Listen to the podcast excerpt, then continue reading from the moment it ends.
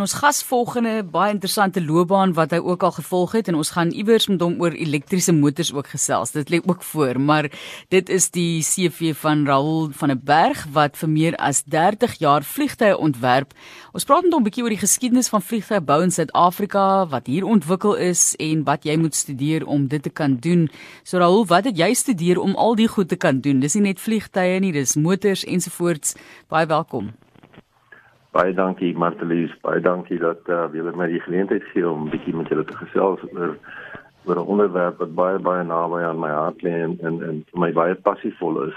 Um vir my gaan dit oor passie. Jy weet, ek het um van die ouderdom van 7, 8 het ek vlieërs gebou en verkoop en so enigiets wat vlieg het my verskriklik geïnteresseer. Um vir baie jong ouderdom het ek begin um beheerlyn vliegtuigies vlieg um, en op ouderdom van 12 het ek begin radiebeere vliegtuigies vlieg met die hulp van my ma. En um, en toe later dan radiebeere vliegtuie ontwerp en die gevlieg en so voort. En ek doen dit vandag nog. Vandag is dit nog steeds een van my groot passies.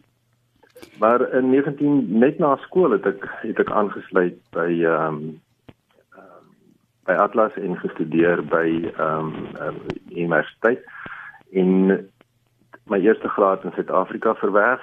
Ehm um, dit was 'n BSc in in meganiese ingenieurswese met spesifieke vakke ehm um, opgelei vir vir lugvaartingenieurswese soos byvoorbeeld ehm um, lugdinamika, strukturele analise ensovoorts. 'n wonderlike ah. passie. Ja, dit Atlas Aircraft Corporation toe Danel Aviation waar hy bestuurder van ontwerpdienste en dan die Airbus programdirekteur ook was. Ek weet ons is nog nie eers halfpad klaar met al jou opleiding daarbey nie, maar bestuur om beheer van sake te neem om die leier te wees in baie van hierdie projekte is duidelik ook 'n vaardigheid wat jy oor die jare opgebou het. Ek is oor die algemeen ehm um, baie gemaklik met tegniese mense. Ehm um, omdat ek omdat ek by Atlas aangesluit is en en my vakleerlingskap hier nog gedoen het, het ek met almal saamgewerk van op die vloer tot jy weet met onderhoud aan vliegtye tot basies met die ingenieurs in in in die kantore en en aan die ontwerpsfasiliteite. So ek is ek is gemaklik met met 'n met 'n baie wye spektrum van van mense en dit het baie natuurlik gekom en ook natuurlik omdat ek baie passievol is oor die onderwerp, jy weet. Ehm um, en so het ons het ek baie vroeg ek was nog nie heeltemal klaar met my vakleerlingskap nie. Toe trek hulle my in lig in, in die lugvaartkundige uh, ontwerpskantoor en ons het dit aerodinamika genoem of of aeromeganika. En daar het ons interessante vliegtye ontwerp. Ek praat nou van die konsepontwerp, die buitelyne van die vliegtuig. Ehm um, soos 'n transoniese ehm um, uh um onbemande vliegtuig wat transonies beteken hy vlieg nou net so dis kan die snelheid van klank. Um 'n onbemande straler, um ook 'n 'n twee se vlek opleidingsvliegtuig. Um wat 'n uh, wat 'n turbine propeller aandrywing gehad het. Um so ook baie baie komponente in verskillende aspekte van die uh, vegvliegtuie soos die cheetahs werk gedoen op die rooi valk. Ehm um, en dit so die projekte maar aangegaan dan in die laaste 10 jaar van my van my lewe by, by by Atlas wat nou eventually Denel Aviation geword het. Ehm um, projekte gedoen saam met Airbus, saam met Saab, ehm um, die Gripen, ons het die byvoorbeeld die pilone uh, ontwerp vervaardig, getoets en geïndustrialiseer en geproduseer vir die Gripen vegvliegtuig wat ons wat ons lugmag vandag vlieg. Rolia, jy was ook by Salt betrokke wat die hele teleskoopindustrie omtrent ehm um, jy weet op sy kop gedraai het in terme van die innoverende tegnologie wat jy daar gehad het. Maar vertel vir ons 'n bietjie, jy's 30 jaar lank in vliegtuigontwerpe betrokke.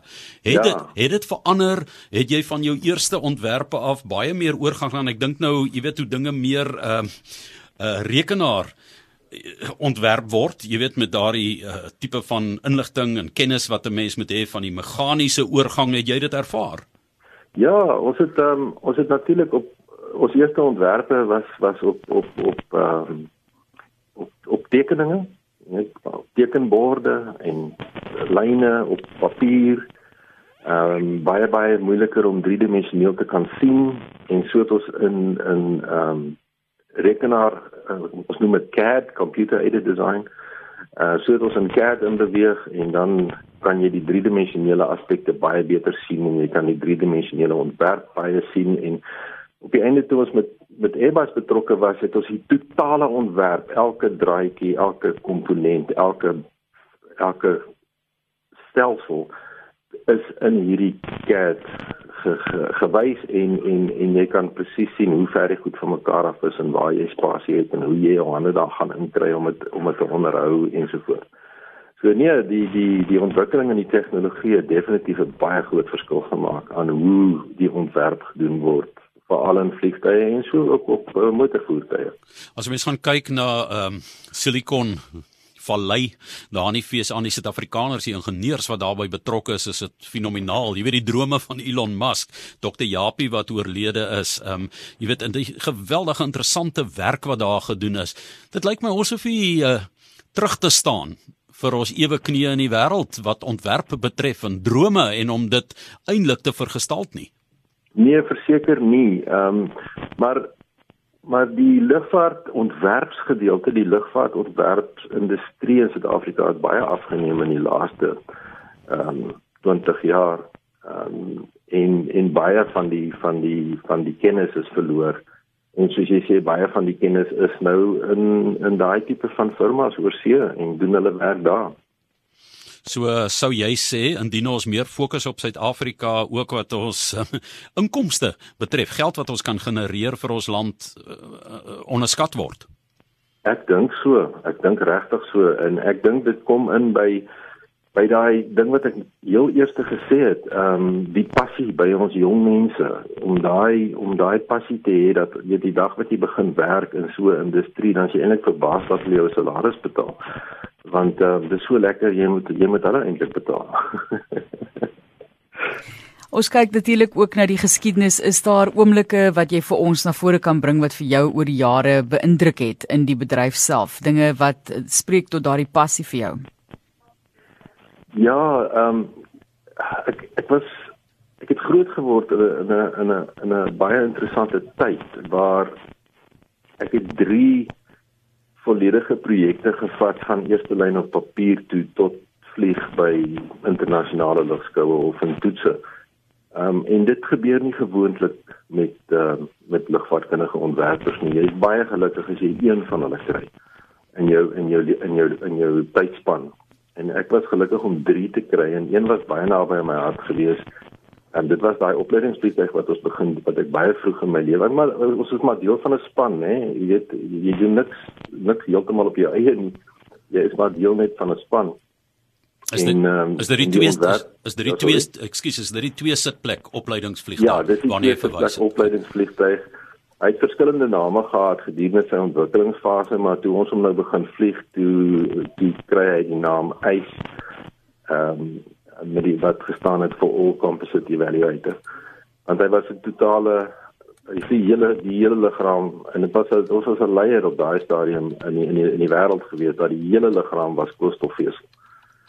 Ehm um, so in ons het die vliegtuig van die konsep ontwerp af gevat. Hy was by die WNR gebou. Hulle het 'n fantastiese fantastiese taak met dit gedoen en uh, toe toe ek teruggekom het van Engeland af nadat ek my meestersgraad daar gaan doen het, toe neem ek die projek oor en ons het so 200 modifikasies op die tipe gemaak.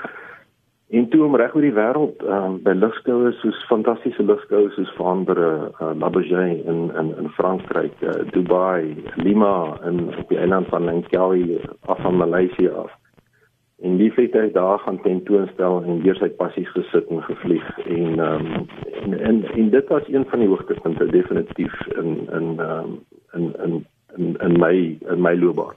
Wat my ook geïnteresseer het is die onbemande vliegtuig wat jy ontwerp het wat dan um, hier by die klankgrens rond speel. Is dit hmm. vir data-insameling? Is dit vir oorlogvoering? Is dit vir spionasie? Hoekom ontwerp 'n mens so iets?